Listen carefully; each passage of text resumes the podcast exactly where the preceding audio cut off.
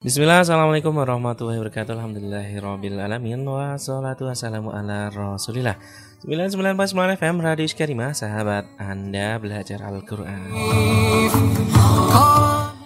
Ya saudara di mana pun Anda berada Senang sekali ya. Saya Nusaid bisa kembali hadir di ruang dengan sahabat Quran semua Di kesempatan uh, sore kali ini ya di gelaran hari Selasa di tanggal 15 Maret di tahun 2022 uh, Afan di tanggal 22 Maret uh, di tahun 2022 Ya yang bertepatan juga ya dengan tanggal 19 Syaban 1443 Hijriah ya. Masya Allah sudah di tanggal 19 yang mana artinya uh, 10 hari lagi insya Allah ya. Kita sudah masuk di bulan Ramadan ya, masya Allah.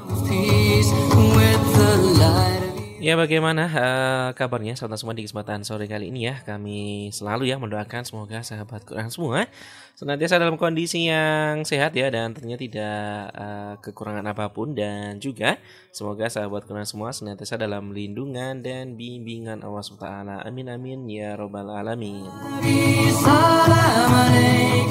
Ya saudara seperti biasa ya di Selasa sore Radio Iskarima menghadirkan uh, sebuah kajian fikih ya yang insya Allah masih akan melanjutkan ya pembahasan kitab Matan Abu Suja yang mana ini karya dari uh, Al Imam Al Qadi Abu Suja ya sebuah kitab fikih yang banyak dipelajari ya di Indonesia ya dan uh, kitab ini sendiri banyak berfokus dalam madhab uh, Syafi'i ya.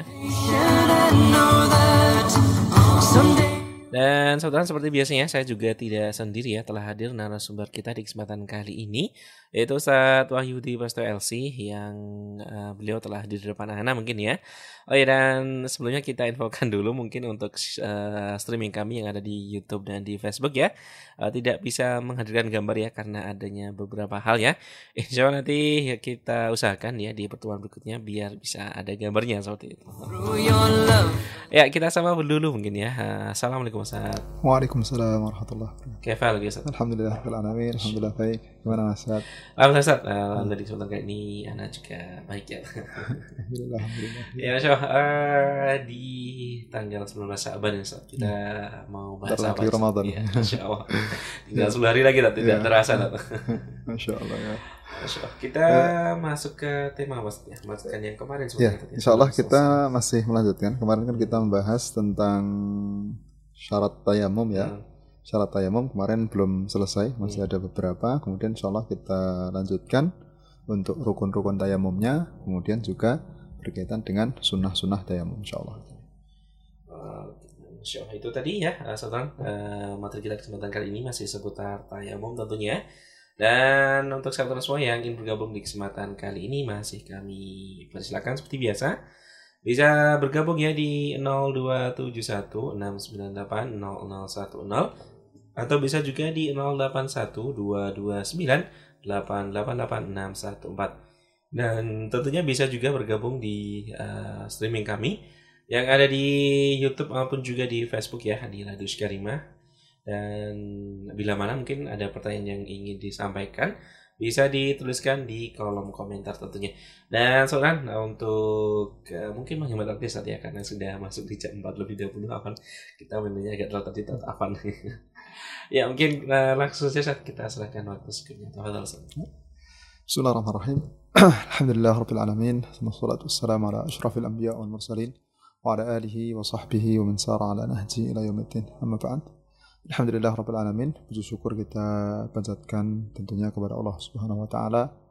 Alhamdulillah pada kesempatan sore hari ini kita diberikan banyak eh, kesempatan untuk eh, bisa beraktivitas bagaimana biasanya tanpa ada halangan sama sekali. Eh, kemudian ini tentunya menjadi kewajiban bagi kita semuanya untuk terus dan selalu bersyukur atas segala limpahan nikmat dan eh, limpahan hidayah yang diberikan kepada kita semuanya.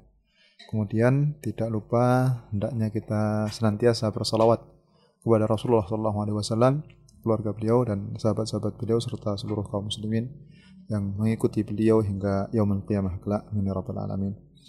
Alhamdulillah para pendengar dan sahabat Quran di mana pun berada, insya Allah kita eh, sebagaimana yang sebelumnya masih membahas dalam pembahasan tayamum kita melanjutkan berkaitan dengan syarat-syarat tayamum. E, kalau sebelumnya sudah kita bahas ada beberapa syarat. Kemarin beliau menyebutkan Syekh uh, Abu Suja menyebutkan dalam kitabnya syarat tayamum ada lima. Satu yaitu adanya uzur disebabkan karena safar ataupun disebabkan karena sakit. Ini syarat yang pertama, uh, kemarin sudah kita bahas. Kemudian yang kedua adalah syaratnya tayamum ataupun uh, mencari air itu ketika sudah masuk waktu. Eh, kemudian ada mencari mencari air ini syarat yang ketiga yang disebutkan oleh oleh beliau ini untuk syarat yang ketiga kemarin kita sebutkan juga batasan-batasannya seberapa uh, kewajiban bagi kita ataupun jarak berapa kita berkewajiban untuk mencari mencari air. Kemarin ada tiga yaitu ada batasan Eh, atau hadul ghaus ya, batasan ketika seorang biasanya meminta tolong, kemudian ada hadul kurbi yaitu batasan dekat, kemudian ada hadul buat ataupun yang yang jauh. Eh, kemudian yang selanjutnya kemarin juga sudah kita bahas juga adalah tidak memungkinkan untuk menggunakan menggunakan air. Ini biasanya walaupun air itu ada, tidak dalam kondisi safar, tidak dalam kondisi mungkin bisa jadi tidak dalam kondisi safar, bisa juga tidak dalam kondisi sakit, tapi tidak memungkinkan untuk menggunakan air. Seperti kalau seumpamanya seorang uh, terhalang menuju ke tempat air karena disebabkan adanya mungkin binatang buas ataupun yang semisalnya intinya adalah ketika seseorang dia tidak bisa sampai kepada air yang ada di hadapannya. Padahal aslinya ya air tersebut itu ada bahkan uh, dia bisa melihat air tersebut. Ya, ini yang kemarin kita bahas. Insya Allah kita melanjutkan syarat yang uh, selanjutnya yaitu Uh, ini masih berkaitan dengan yang sebelumnya juga. Uh, ketika seseorang dia memiliki udur untuk menggunakan air, kemudian uh, ketika air tersebut itu didapatkan, uh, didapatkan, uh, kemudian uh, apakah ada penghalang untuk menggunakan air tersebut atau atau tidak. Makna penghalang di sini adalah kadang seseorang dia mendapatkan air, cuman setelah mendapatkan air tersebut itu dia tidak bisa menggunakan air tadi karena dia membutuhkannya. Jadi dapat airnya ini cuman sedikit. Antara dia pakai untuk wudhu ataupun mandi atau digunakan untuk minum dia ataupun mungkin uh, binatang bawa yang dia bayar bawa seumpamanya. Kalau zaman dahulu kalau sekarang ya berarti untuk dirinya kemudian untuk orang-orang yang bersama dengan dengan dia. Ketika memang ada kebutuhan lain selain daripada wudhu dan mandi jenabah tersebut uh, padahal tidak cukup untuk dua-duanya maka di sini ya dia boleh untuk melakukan tayamum walaupun tadi kan tidak ada air ini Kemudian dia mendapatkan air, tapi dia butuh air tersebut. Tidak harus disyaratkan kebutuhan itu ketika itu. Jadi bahkan ketika ntar dia butuhnya di waktu yang akan datang, itu pun tidak masalah. Maka silahkan bagi dia untuk mengambil rukhsah tayamum. Nah, jadi kalau tadi kayak semuanya dia cari air, tidak ada air, habis itu kemudian mencari air, kemudian dapat air, tapi ternyata yang didapatkan tidak tidak banyak. Habis itu eh, dia perkiraan untuk mencari air lagi, untuk mendapatkan air lagi itu mungkin butuh jarak yang mungkin jauh. Nah, tidak cukup kalau semuanya terjarak sampai sana kita harus menahan uh, dahaga dia dan orang-orang yang di sekitar dia semuanya padahal tidak ada air sama sekali maka uh, di sini dia boleh untuk melakukan tayam tayamum walaupun ketika itu dia tidak membutuhkan air untuk minum dia tapi Uh, bisa jadi mungkin setelah satu jam atau mungkin setelah dua jam dari waktu dia mendapatkan air tersebut dia butuh untuk minum uh, ataupun butuh untuk dipakai oleh orang-orang yang berada di sekitar sekitar dia. Nah ini makanya uh, di sini menjadi penghalang dari uh, penggunaan air tersebut. Makanya walaupun dia sekarang sudah mendapati air, tetap di sini dia boleh untuk mengambil rukhsah rukhsah tayamum. Ya, Ini syarat yang hmm. masih berkaitan dengan yang keempat aslinya ya, hmm. yang sebelumnya. Nah, kemudian yang selanjutnya ataupun syarat yang terakhir yaitu berkaitan dengan uh, alat tayamumnya hmm. ataupun debu yang dia yang dia gunakan. Hmm. Maka disebutkan oleh beliau yaitu tanah yang suci. Jadi selain tanah dia tidak bisa digunakan untuk tayamum, tayamum. gitu kan. Kalau semuanya dia menggunakan batu, ataupun mungkin menggunakan eh, kerikil ataupun Hmm. menggunakan tembok Hmm. yang kemarin mungkin dalam beberapa pertanyaan kita kita jawab ya, Ya, kalau Hmm. semuanya menggunakan hal-hal tersebut ya dia tidak tidak bisa karena syaratnya adalah dia menggunakan menggunakan tanah yang dia eh, ataupun debu gitu kan. Nah makanya syaratnya yang disebutkan oleh beliau adalah dia tanah tersebut dia harus suci. Hmm. Debu yang dipakai untuk melakukan tayamum tersebut adalah dia su- Suci. suci. Nah, kalau semuanya dia tidak suci, ini suci di sini suci yang dia suci dan mensucikan. Tidak hanya cukup untuk suci saja, tapi dia suci dan mensucikan. Hmm. Sebagaimana air, kalau dulu dalam pembagian air kan ada air yang dia itu suci dan mensucikan, ada suci tapi tidak mensucikan, kemudian ada yang dia itu najis. Hmm. Makanya kalau seumpamanya tanah yang kita pakai adalah tanah yang dia najis, ya berarti tidak tidak bisa, gitu kan? Seperti mungkin tanah yang ya, terkena najis, Hmm. kan tanahnya dia berarti najis, tidak bisa digunakan untuk tayamum gitu kan. Seperti kalau kita tahu bahwa oh, tanah tersebut itu eh, seumpamanya tadi dikencingi oh, hewan ataupun mungkin dikencingi anak kecil seumpamanya, habis itu sudah kering.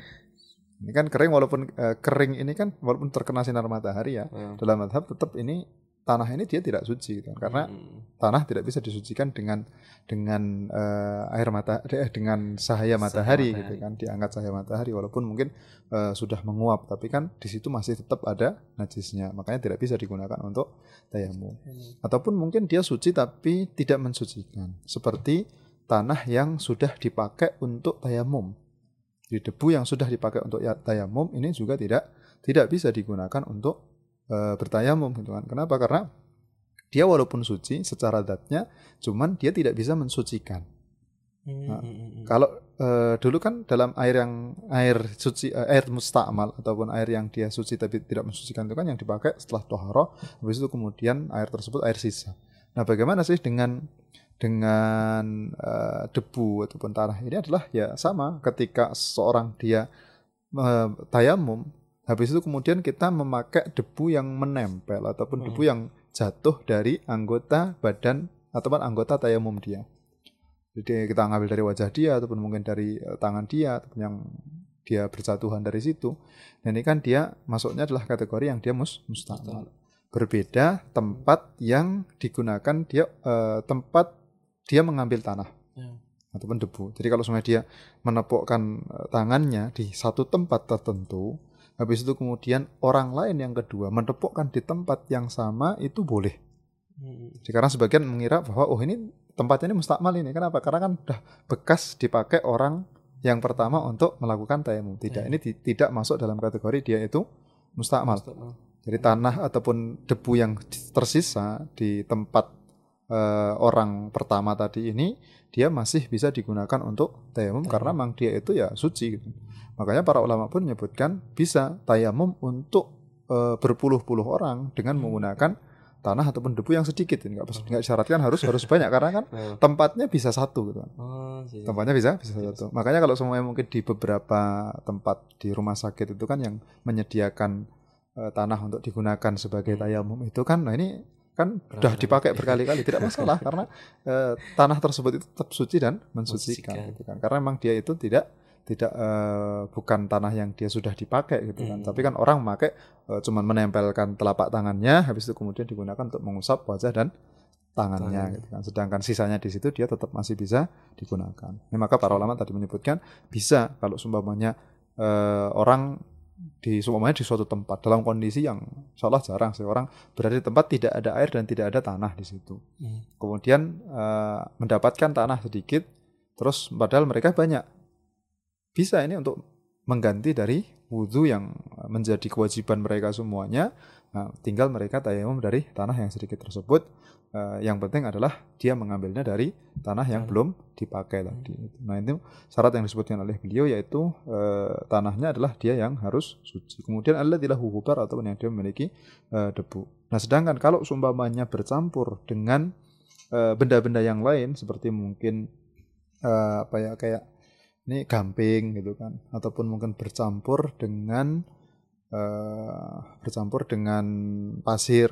Nah, ini dia tidak tidak bisa digunakan untuk untuk tayamum gitu kan. Nah, ini yang disahihkan oleh eh, disebutkan oleh Syekh Habib Suja walaupun mungkin sebagian ulama Syafi'ah menyebutkan kalau seumpamanya yang bercampur dengan uh, pasir itu tidak masalah gitu kan. Hmm. Jadi memang ada dua ada dua pendapat. Sebagian kemudian uh, me, istilahnya mencari jalan keluar lah dari kedua pendapat tersebut itu. Uh, jadi kalau semakna tidak boleh itu seperti ini, kemudian makna yang tidak boleh adalah seperti seperti ini. Jadi ala hal untuk syahabu suja di sini menyebutkan adalah kalau sumpamanya yang dia itu bercampur dengan pasir, hmm. maka dia tidak bisa digunakan untuk untuk tayam untuk tayamum gitu kan. Uh, jadi ini lima syarat yang disebutkan oleh oleh beliau Syahabus Suja terakhir yaitu berkaitan dengan masalah tanah yang ataupun uh, alat untuk tay tayamumnya. Nah kemudian selanjutnya berkaitan dengan rukun-rukun tayamum. Rukun-rukun tayamum disebutkan oleh beliau ada empat, kan? Ada empat hal yang disebutkan oleh beliau, sebagian menyebutkan lima, ada tambahannya. Hmm. Uh, yang pertama adalah niat, hmm. niat uh, tayamum. Nah, niatan tayamum ini kan nah, dulu juga pernah kita bahas niat tayamum itu ada beberapa tingkatan. Jadi ada beberapa beberapa beberapa tingkatan. Yang pertama adalah ketika seseorang eh, pertama dulu untuk niatan tayamum itu kita tidak meniatkan eh, menghilangkan hadas. Berbeda dengan wudhu. Kalau wudhu okay. ataupun mandi itu kan kita meniatkan untuk mengangkat hadas, hadas yang ada pada diri kita. Sedangkan tayamum itu niatan kita bukan untuk mengangkat hadas gitu kan. Tapi niatan kita adalah uh, untuk kita itu uh, supaya kita boleh melakukan sholat ataupun ibadah-ibadah yang memang disyaratkan uh, harus melakukan taharah gitu. Maka disebut sebagai istibahatu as-sholah ataupun uh, ya istibahah supaya kita bisa melakukan ibadah-ibadah tertentu yang memang disyaratkan harus ada toharah di situ. Gitu. Harus suci dari hadas besar ataupun dari hadas hadas kecil. Itu uh, niatan kita. Nah kemudian kalau uh, niatan yang lebih khusus lagi ataupun secara spesifik lagi itu kalau seumpamanya kita mau mengerjakan apa ini? Kita mau mengerjakan sholat fardu ya berarti kita niatannya adalah niatan tayamum untuk sholat fardu. Mm-hmm. Tayamum untuk sholat sholat sholat fardu gitu kan. E, karena apa? Karena tayamum ini kan dia hanya sekedar sebagai Eh, pemboleh bagi kita supaya kita bisa melakukan ibadah-ibadah tersebut. Tidak seperti wudhu. Kalau wudhu ya kita niatan untuk membaca Al-Quran, kita boleh melakukan sholat fardu dengan wudhu yang niatannya untuk uh, untuk melakukan bacaan Al-Quran ataupun hmm. untuk memegang mushaf umpamanya. Nah, uh, sedangkan untuk tayamum tidak bisa. Jadi kalau umpamanya kita dalam kondisi junub umpamanya, terus kita niatannya adalah uh, tayamum supaya kita bisa membaca Al-Qur'an. Uh, nah, di sini berarti tidak bisa menggunakan tayamum tersebut untuk melakukan sholat fardu, fardu. gitu kan. Uh, jadi harus niatannya memang untuk melakukan sholat fardu pertama. Nah, kalau dia meniatkan untuk melakukan sholat fardu, ini boleh untuk yang di bawah di bawah di bawahnya, gitu kan. Sholat fardu ini masuk masuk dalam kategori sholat fardu juga adalah sholat yang dia nadar gitu kan? Sholat nadar. Ataupun mungkin uh, berkaitan dengan khutbah Jumat. Khutbah Jumat itu walaupun dia tidak uh, berbentuk sholat gitu kan. Cuman dia kan secara hukum itu wajib. Termasuk bagian dari uh, prosesi pelaksanaan ibadah sholat sholat Jumat. Makanya untuk khutbah Jumat pun ketika seseorang dia itu bertayamum ya berarti khutbah itu dia tayamum habis itu kemudian Sholatnya ketika sholat tayamum. itu dia tayamum lagi. Harus dua kali ya, berarti ya jadi tayamumnya harus harus dua kali. Bahkan sebagian ulama dalam mazhab pun menyebutkan untuk khutbah pertama tayamum untuk khutbah kedua tayamum lagi. Oh, okay. Hmm, karena kan ini khutbah ini kan dua ya dua kali dan dianggapnya khutbah satu itu juga uh, setelahnya dia kewajiban sendiri kemudian khutbah yang kedua ini kan dia kewajiban kewajiban sendiri, sendiri. makanya sebagian berpendapat ya khutbah pertama tetap tayamum kemudian khutbah yang kedua dia tayamum, tayamum kemudian untuk sholatnya dia tayamum tayamum lagi. Tapi sebagian memberikan uh, kelonggaran ya, cukup satu khutbah hmm. itu ya cukup khutbah pertama dan kedua itu satu hmm. tayamum. Habis itu kemudian untuk sholatnya tetap satu satu tayamum. Tapi tidak bisa digabung uh, antara khutbah dengan khutbah Jumat dengan sholatnya menggunakan satu tayamum karena kan beda antara khutbah dengan dengan sholat. Nah ini berkaitan dengan uh, sholat fardu ataupun sholat yang dia dinadarkan. Sholat fardu itu ya uh, sholat lima waktu, kemudian ketika seorang melakukan nadar sholat ataupun hmm. tadi khutbah khutbah Jumat. Nah kemudian yang kedua adalah dia sholat uh, nafilah, gitu kan? Ketika semuanya dia melakukan sholat sholat nafilah seperti sebelumnya dia ingin melakukan sholat ba'diyah, gitu kan? Nah, ini uh, dia tadi sudah mengerjakan sholat fardu, habis itu ternyata batal butuhnya atau tayamumnya semuanya karena dia eh, ter- terkena pembat- pembatal-pembatal wudhu umpamanya. Habis itu kemudian dia pengen mengerjakan sholat ba'diyah. Ya berarti kan kewajibannya di sini untuk melakukan tayamum lagi. Ketika dia melakukan tayamum lagi, nah tayamum ini kan dia niatannya untuk melakukan sholat nafilah ba'diyah tadi. Ba'diyah duhur seumpamanya. Berarti kan niat untuk ba'diyah, ba'diyah duhur. Nah ketika dia melakukan ba'diyah duhur, habis itu kemudian ingat, ternyata subuh tadi itu dia lupa belum sholat. Jadi untuk subuhnya dia lupa belum sholat. Apakah dia boleh menggunakan tayamum tersebut untuk melakukan kodok sholat subuh? Tidak bisa. Hmm. Kenapa? Karena kan niatannya adalah dia meniatkan untuk sholat nafilah, Nafilah. gitu kan. Makanya berarti di sini dia eh, hendaknya untuk melakukan tayamum lagi ketika mau mengkodok sholat subuh yang dia lupa tadi. Nah, ini eh, berkaitan dengan sholat nafilah. Nah, kemudian termasuk bagian dari nafilah juga adalah sholat jenazah. Sholat jenazah itu kan secara hukum fardu kifayah ya. Hmm. Dan secara hukum dia fardu fardu Fardu kifayah. kifayah. Nah, kan wajib. Cuman kan wajibnya adalah wajib kifai. Tidak kepada setiap orang, tapi kepada kaum muslimin secara umum ataupun kepada mereka-mereka ketika sudah ada sebagian yang melakukannya dan cukup itu sudah sudah cukup. Nah, untuk sholat jenazah ini masuk dalam kategori nafilah. Hmm. Masuk dalam kategori nafilah, makanya ketika tadi dia meniatkan untuk melakukan eh, sholat ba'diyah, habis itu kemudian ada pengumuman ternyata ada orang meninggal untuk disolatkan. Nah, dia bisa langsung melanjutkan untuk melakukan sholat jenazah tersebut menggunakan tayamum yang niatannya adalah untuk sholat ba'diyah zuhur tersebut. Jadi tidak tidak masalah. Kenapa? Karena dia walaupun secara hukum itu fardu, tapi masuk dalam kategori niatan eh, secara niatan itu masuk dalam kategori dia nafilah. Ini untuk derajat yang kedua. Kemudian derajat yang ketiga yaitu adalah untuk eh, dia yang istilahnya lebih eh, secara u- lebih eh, khusus lagi yaitu ataupun mungkin yang dia tidak seperti hanya berkaitan dengan sholat ataupun mungkin sholat nafilah mutlaqah gitu ya. Eh, seperti sujud tilawah kemudian qiraatul Quran kemudian sujud syukur. Ini kan dia eh, seperti sholat nafilah yang dia sholat nafilah mutlaqah gitu kan makanya dia ketika meniatkan untuk membaca Al-Quran ya berarti tidak bisa digunakan untuk melakukan sholat tadi sholat Ya. jenazah Hmm. tadi nggak bisa apalagi digunakan untuk melakukan sholat fardu kodok seumpamanya dia ingat oh saya belum mengkodok sholat ini Oh. terus dia pengen melakukan sholat tersebut ya berarti harus melakukan tayamum Tayamum. lagi nah ini untuk eh, derajat ataupun tingkatan yang eh, tingkatan yang ketiga dari niatan-niatan tersebut nah eh, dari ketiga tingkatan tadi itu bukan berarti yang pertama itu khusus untuk pertama tok tidak bisa yang kedua dan ketiga tidak tapi ketika dia mengambil derajat yang paling tinggi itu Hmm. ya berarti dia bisa melakukan yang kedua dan yang ketiga. Makanya kalau semuanya sekarang sudah masuk waktu duhur nih.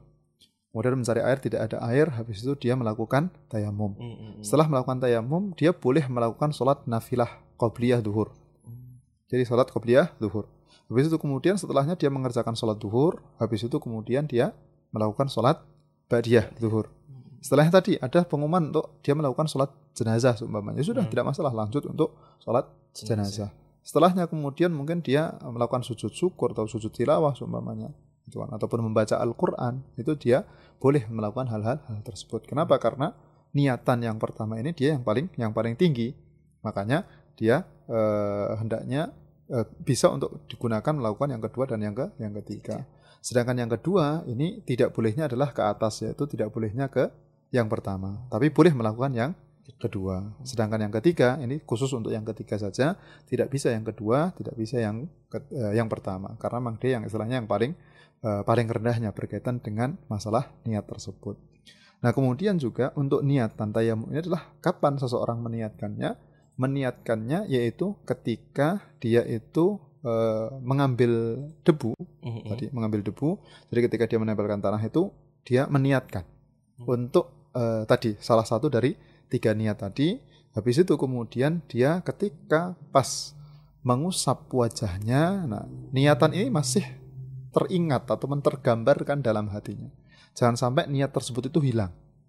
Karena hilang ini bukan ber- eh, intinya adalah kewajiban keberadaan niat itu dia istilahnya menggambarkan niat yang ad- yang diniatkan tadi untuk sholat fardu seumpamanya. Ketika pas dia mengambil tanah dan memindahkannya, kemudian ketika pas mengusapkannya.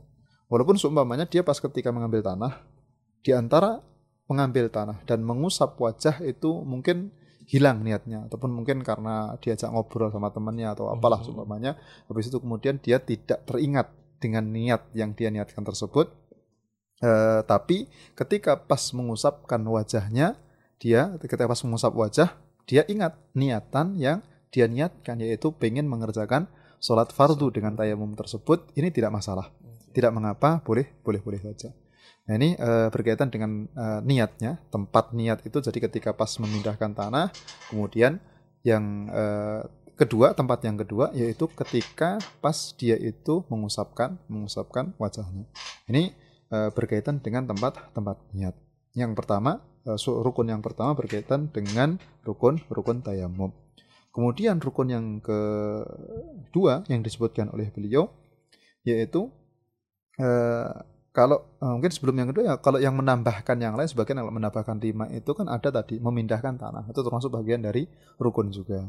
Ataupun yang lain se- eh, sebagian adalah dia eh, menyebutkan yang lain adalah ya dia menyengaja tadi untuk mengambil mengambil tanah tadi. Nah, ini yang eh, menyebutkan tambahan. Kalau yang ini kan sebelumnya menyebutkan empat. Sebagian ada yang menyebutkan menyebutkan li, lima. Karena eh, kalau seumpamanya ada debu yang berterbangan kemudian dia meniatkan untuk tayamum terus angin tersebut yang menerbangkan debu-debu tadi mengenai wajahnya dan mengenai tangannya itu tidak cukup untuk mengganti dari memindahkan tanah tadi karena harus ada perbuatan dari kita Hmm. jadi ada perbuatan dari dari dari kita dan aslinya perbuatan ini bukan berarti harus dari kita sendiri tidak tapi kalau seumpamanya ada orang lain Oke. yang dia em, mentayamumkan kita Mentayamumkan. Iya, mentayamumkan kita. Tapi atas seizin kita nggak masalah. Nah, Yang penting ada izin dari kita. nah. Tapi kalau semuanya kita diam saja gini kan, kita diam saja. Habis itu kemudian ada angin, ada angin yang berhembus membawa debu. Habis itu kemudian kita meniatkan tayamum, ini tidak cukup. Kenapa? Karena tidak ada perbuatan pemindahan tanah dari diri diri kita. Dan pemindahan ini tidak disyaratkan, maksudnya tidak disyaratkan harus dari tanah. Kalau tadi ketika ada debu berterbangan, kemudian kita ambil dengan tangan kita dan ada, kemudian kita usapkan ke wajah, kemudian kita ngambil lagi, kemudian kita usapkan ke tangan, ini cukup. Jadi memang tidak disyaratkan harus mengambil secara, eh, langsung dari dari tanah. Yang penting ada perbuatan dari kita untuk tadi memindahkan. Makanya kenapa kok para ulama itu sebagian menyebutkan bahwa memindahkan tanah itu termasuk bagian dari rukun. gitu kan. Rukun. Tapi ini di- eh, beliau menyebutkannya ya cukup untuk niatan saja. Kemudian yang selanjutnya yang kedua disebutkan oleh beliau yaitu mengusap wajah. Wajah. Batasan wajah sama seperti wudhu. Jadi batasan wajah sama seperti eh, seperti wudhu. Cuman bedanya kalau wudhu itu kan kita wajib meratakan air ke eh, bawah eh, mungkin jenggot kalau semuanya kita memiliki jenggot yang tipis. Hmm. Tapi untuk tayamum di sini tidak wajib. Kenapa? Karena kan susah ya, masa kalau semuanya harus meratakan debu sampai ke bagian-bagian bawah eh, Jenggot. jenggot itu Hmm. kan. Walaupun mungkin tipis, tapi kan akan eh, susah gitu kan. Makanya kita mengusap wajah kira-kira sampai rata gitu kan. Hmm. Kira-kira sampai sampai rata, jangan ada yang tertinggal. Kadang mungkin yang tertinggal itu kan biasanya bagian samping hidung, kemudian bagian bawah hidung. Itu kan kadang mungkin tertinggal, tidak terusap itu ya. ya. Tidak tidak terusap. Terusap. Makanya ya diusahakan ketika pas mengusap ya mengusapnya adalah mengusap sampai sampai ra, sampai rata itu kan. Ini untuk mengusap mengusap wajah. Kemudian rukun yang selanjutnya yang disebutkan oleh beliau yang ketiga yaitu mengusap tangan bersamaan dengan siku. Oke. Jadi untuk tayamum itu dalam madhab tayamumnya tidak hanya telapak tangan bagian luar sampai pergelangan tangan, Mhm. tidak, tapi eh, tadi bagian tadi ditambah lengan sampai siku. Siku. Hmm, Jadi sampai sampai siku. Nah ini yang eh, menjadi kewajiban ketika seseorang tay- tayamum gitu kan. Nah ini untuk eh, tangan di sini kalau dulu mungkin sudah kita contohkan ya untuk apa cara mengusap tangannya itu kan dimulai dari ujung itu kan ujung dari ujung jari-jari kemudian eh, berangsur-berangsur menuju ke siku habis itu kemudian eh, bagian luar habis baru kemudian bagian dalam kemudian bagian atas ibu jari dengan ibu ibu jari lah Eh, itu ringkasnya seperti seperti itu. Ini berkaitan dengan mengusap mengusap tangan yang itu rukun yang ke yang ketiga. Ketiga. Kemudian yang selanjutnya yaitu adalah tertib, Tertib. gitu kan? Jadi harus ada tertib. Tertib ini kalau walaupun tayamum ini dia ganti dari mandi janabah. Hmm, hmm. Kalau dalam mandi janabah itu kan tidak ada tartib. Nah. Kenapa? Karena satu badan itu dia anggota satu, gitu kan? satu anggota. Maka tidak ada kewajiban tartib ya karena satu anggota. Nah, sedangkan ganti dari mandi, loh, bukankah mandi janabah tidak ada tartib? Kenapa kok untuk tayamum ini dia wajib tartib? Mhm. Padahal dia kan ganti dari mandi yang tidak ada tartib di sana. Sekarang kok di sini ada Oke, tartib. Nah, kenapa? Karena untuk tayamum ini kan dia dua anggota. Dua anggota ada wajah, kemudian ada tangan. Maka dianggap seperti wudhu.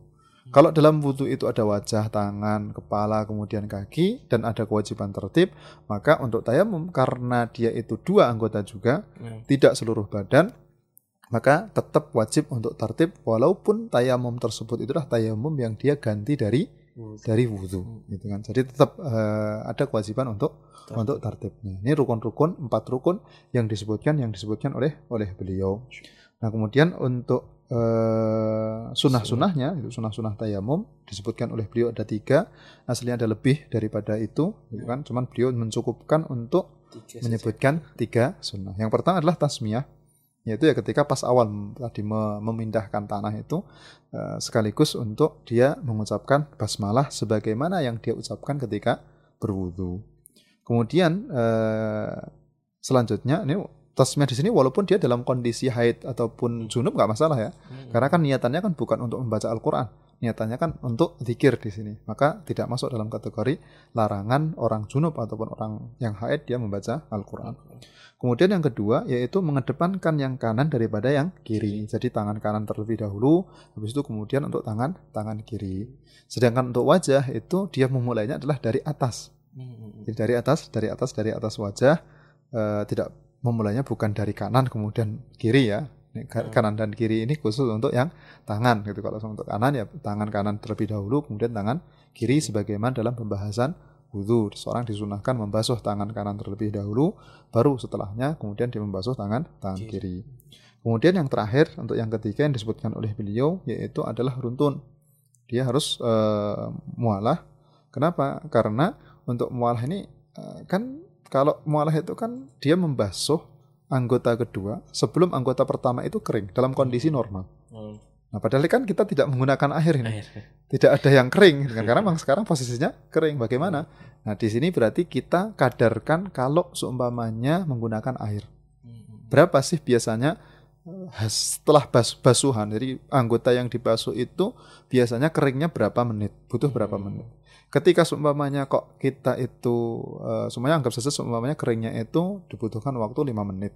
Ya berarti kalau semua kita mengusap wajah habis itu 5 menit setelahnya kita mengusap tangan di sini tidak ada yang namanya mualah Mhm. padahal dia eh, termasuk bagian dari dari sun, Sun- sunnah gitu. Tetap tayamum kita itu sah, cuman ya eh, kita ketinggalan eh, sunnah berkaitan dengan mualah mualah tersebut. Nah ini sunnah yang disebutkan oleh beliau, sedangkan yang lain-lainnya mungkin tidak eh, disebutkan, gitu kan? Ada beberapa sunnah yang disebutkan oleh beberapa surah ataupun para mensyarah, yaitu ada sunnah untuk me- melepas cincin. Cincin. Ya, ya, melepas cincin. Karena orang seorang memakai cincin, dia menepuk tangannya ke tanah, ini kan berarti kan terhalang ini kan. Hmm. Nah, maka eh, di sini disunahkan untuk dilepas, tapi untuk eh, usapan wajah. Ketika semuanya ketika pas dia mengusapkan, mengambil tanah untuk mengusap Wajib. mengusap wajah. Tapi kalau semua untuk usapan eh, untuk yang kedua, untuk yang eh, tangan itu dia harus dilepas. Kenapa? Karena tak, cincin ini dia akan menghalangi debu yang akan menempel ke eh, tangan dia. Padahal kan dia ada berkewajiban untuk tadi untuk mengusap tangan dia menggunakan debu yang dia ambil gitu kan. Kecuali kalau sumpamanya memang cincin itu longgar dengan dia menepukkan tangan dia ke atas debu tersebut, debu itu bisa masuk ke sela-sela cincin. Nah ini dia tidak perlu untuk melepas cincinnya. Tapi kalau semua memang cincin itu rapat, ya berarti dia harus melepasnya, baru kemudian eh, setelahnya dia mengambil debu untuk Hmm. diusapkan ke diusapkan ke tangannya. Nah kemudian juga termasuk bagian dari sunnah adalah eh, seperti siwak gitu kan. Siwak itu juga termasuk bagian dari sunnah. Nah, ketika siwak ya berarti eh, dia bersiwak, habis itu kemudian tasmiyah, habis itu kemudian setelahnya dia mengambil debu tadi. Mhm. Nah, dan setiap sunnah-sunnah yang memungkinkan untuk dikerjakan di wudhu, maka di sini juga disunahkan. Kecuali tathlith ataupun kecuali membasuh tiga kali. Untuk usapan ini tidak perlu dia mengusap tiga kali. Cukup sekali saja, wajah sekali, kemudian tangan kanan sekali, tangan kiri sekali, tidak perlu untuk diusap sebanyak tiga kali. Karena mengusap tiga kali itu kan termasuk bagian dari sunnah-sunnah wudhu. Ini dan ini tidak disunahkan dalam tayamum. Sedangkan sunnah-sunnah yang lain yang memungkinkan untuk bisa dikerjakan di wudhu itu silahkan dikerjakan ketika pas tayamum. Seperti doa gitu kan. Doa setelah wudhu. Nah di sini juga disunahkan juga ketika seorang selesai tayamum disunahkan juga untuk melakukan doa sebagaimana yang dia ucapkan ketika berwudhu. Nah ini mungkin beberapa hal yang kita bahas pada kesempatan kali ini menyelesaikan berkaitan dengan syarat, kemudian ada rukun-rukun, kemudian ada sunnah-sunnah yang hendaknya dikerjakan ketika seseorang melakukan tayamum. Sedang untuk yang lainnya, ya insya Allah akan kita bahas di kesempatan yang akan datang. Wassalamualaikum warahmatullahi wa ala alihi wa sahbihi wasallam. Ya, Masya Allah, jazakumullah atas materinya di kesempatan kali ini ya, yang membahas seputar tayamum dan tentunya eh di masyarakat sendiri Tat, ya, tayamum ini juga sesuatu yang eh, terkadang harus dilakukan ya Tat ya, karena kondisi sakit, kemudian juga tidak eh, ada mungkin ada halangan yang lainnya, ini juga harus tahu bagaimana caranya bertayamum ya, jadi eh, sangat bermanfaat insya Allah Ustaz. Dan Ustaz, eh, sebelum kita bacakan pertanyaan Ustaz, kita mungkin rehat sejenak nggak apa-apa Tat, ya? Satu dua menit ya. Ya. Oke. Ya dan Sultan ya, eh, jangan ke mana-mana, kita masih akan kembali lagi tentunya di eh, program kajian fikih ini. Dan sebelum atau juga sembari menunggu ya, kami sampaikan lagi, monggo silakan yang bergabung bisa langsung menghubungi di 081 229 888 614 atau bisa juga di 0271 698 0010 dan uh, mungkin kalau berkenan juga bisa bergabung di uh, streaming kami yang ada di YouTube dan juga di Facebook.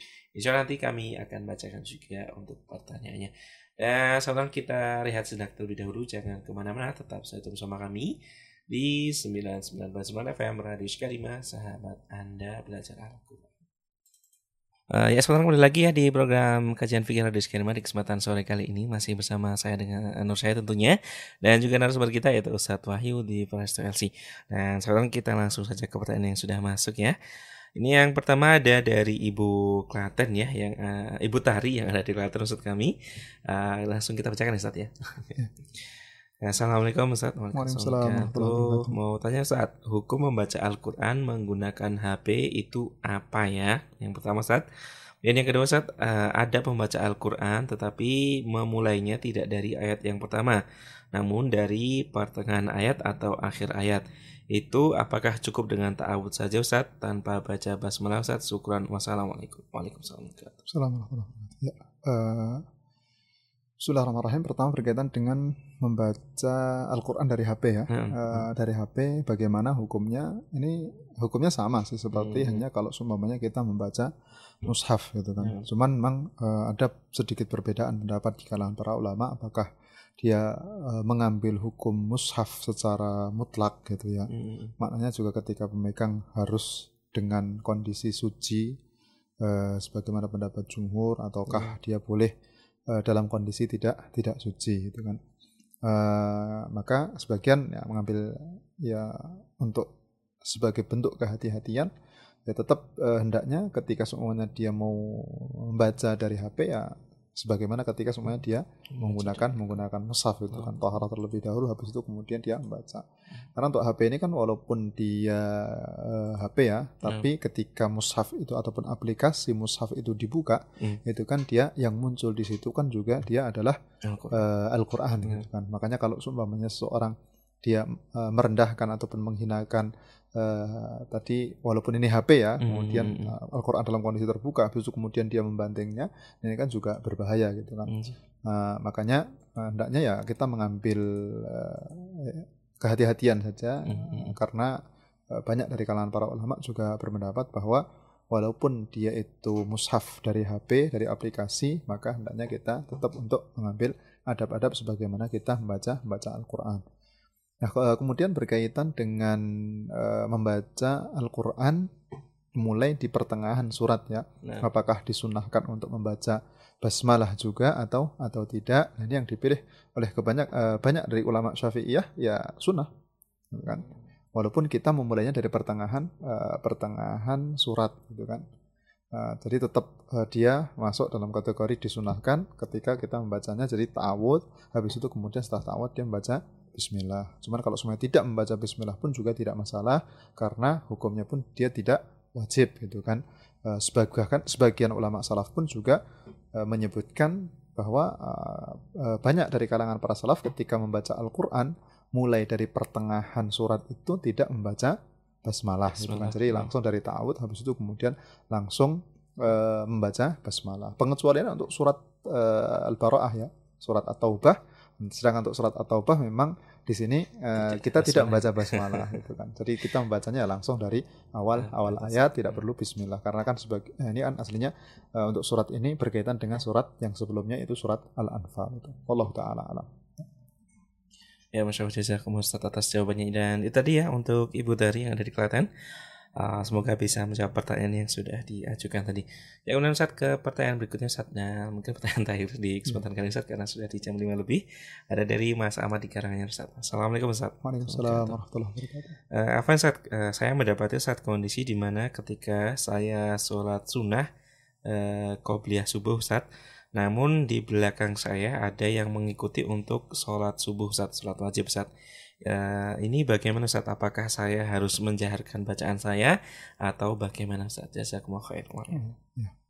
uh, untuk sholat uh, sunnah hmm. kemudian ada orang yang bermakmum uh, dan dia meniatkan untuk sholat wajib nah. ya apakah kita menjaharkan atau tetap sir nah. untuk jahar dan sir itu kan secara hukum dia sunnah nah kita menjaharkan sholat yang aslinya dia sir seperti tadi sholat qobliyah hmm. subuh ataupun mensirkan sholat yang aslinya itu disunahkan jahar seperti sholat subuhnya gitu kan. Hmm. Kalau kita berjamaah, sholat kita menjadi imam, habis itu kemudian kita mensirkan bacaan Uh, ketika pas sholat subuh tersebut itu tidak masalah tidak membatalkan sholat jadi secara hukum di sini sunnah ketika pas sir ya sunnahnya sir ketika yang disunahkan ataupun yang dimasukkan untuk melakukan jahar ya berarti sunnahnya adalah jahar. jahar. Nah kalau sumpamanya kita sholat sunnah tadi kemudian ada orang yang bermakmum di belakang kita ya kita uh, sir saja tidak masalah gitu kan. Mm -hmm. Karena toh yang kita kerjakan kan sholat sunnahnya adalah sir gitu kan. Mm -hmm. Sunnah untuk kita kerjakan adalah adalah sir ya makanya kita sirkan. Uh, sedangkan untuk yang mengikuti di belakang kita ya dia karena dia sholatnya adalah sholat subuh ya otomatis karena imamnya tidak menjaharkan tidak masalah dan tidak membatalkan sholat gitu kan. Ya. Nah, jadi selalu tidak tidak membatalkan sholat dan uh, mungkin dia juga akan tahu oh ternyata imam ini kan dia sedang mengerjakan sholat sholat sunnah kalau semuanya. Tadi dia tidak tidak tahu. Tapi setelah kemudian dia uh, tahu oh ini ternyata imam uh, imam ini dia sedang mengerjakan sholat uh, nafilah seumpamanya gitu kan ini mungkin yang seringnya terjadi kalau sumpamanya dia mengerjakannya setelah subuh gitu kan nah. jadi setelah sholat, sholat subuh selesai habis itu kita mengerjakan nafilah nah. qobliyah subuh gitu kan hmm. tadi kan belum sempat qobliyah kita qobliyah nah. subuh datang orang di belakang kita ngiranya kita sholat subuh, subuh. habis itu kemudian kita uh, dijadikan Tepo. imam gitu kan itu untuk dijadikan imam nah bagaimana ya tidak masalah silahkan hmm. untuk kita tetap lanjut sir saja tidak masalah yang okay. jelas untuk jamaahnya tetap jamaah sah, sah. karena dia tidak berkaitan dengan uh, dia bukan syarat apalagi hmm. dia uh, kewajiban ataupun rukun dalam sholat berjamaah. Jadi tidak, tidak masalah insya Allah uh, walaupun tetap sir dan sholat jamaahnya pun tetap tetap sah. Itu Allah taala Ya, uh, itu tadi pertanyaan terakhir kita di kesempatan kali ini dan jazakumullah tentunya untuk sahabat kalian semua yang sudah bergabung di kesempatan kali ini. Baik yang uh, mengirimkan pertanyaan atau mungkin yang sekedar menyimak saja dari uh, awal tadi. Dan tentunya baiknya dicatat juga tadi ya. Biar tidak lupa ya Ya saat uh, jazakumullah atas ilmu dan waktunya di kesempatan kali ini. Semoga Allah balas dengan balasan yang lebih baik dan lebih banyak tentunya. Amin amin ya robbal alamin. Nah, saudara kita harus suka dulu percuma kita di kesempatan kali ini. Akhirnya saya Nusa Temu Tegas mewakili segenap kru Radio Skerima dan juga Ustadz Wahyu Dwi Prasto LC. Pamit undur diri dari ruang dengar sahabat Quran semua tentunya di dan uh, mohon maaf ya bila ada kesalahan dan juga uh, kekurangan dan kekhilafan di kesempatan kali ini. Kita tutup dengan hamdalah dan doa kafaratul majelis. Alhamdulillahirabbil alamin. Subhanakallahumma wa bihamdika asyhadu an la ilaha illa anta astaghfiruka wa atubu ilaik. Wassalamualaikum warahmatullahi wabarakatuh.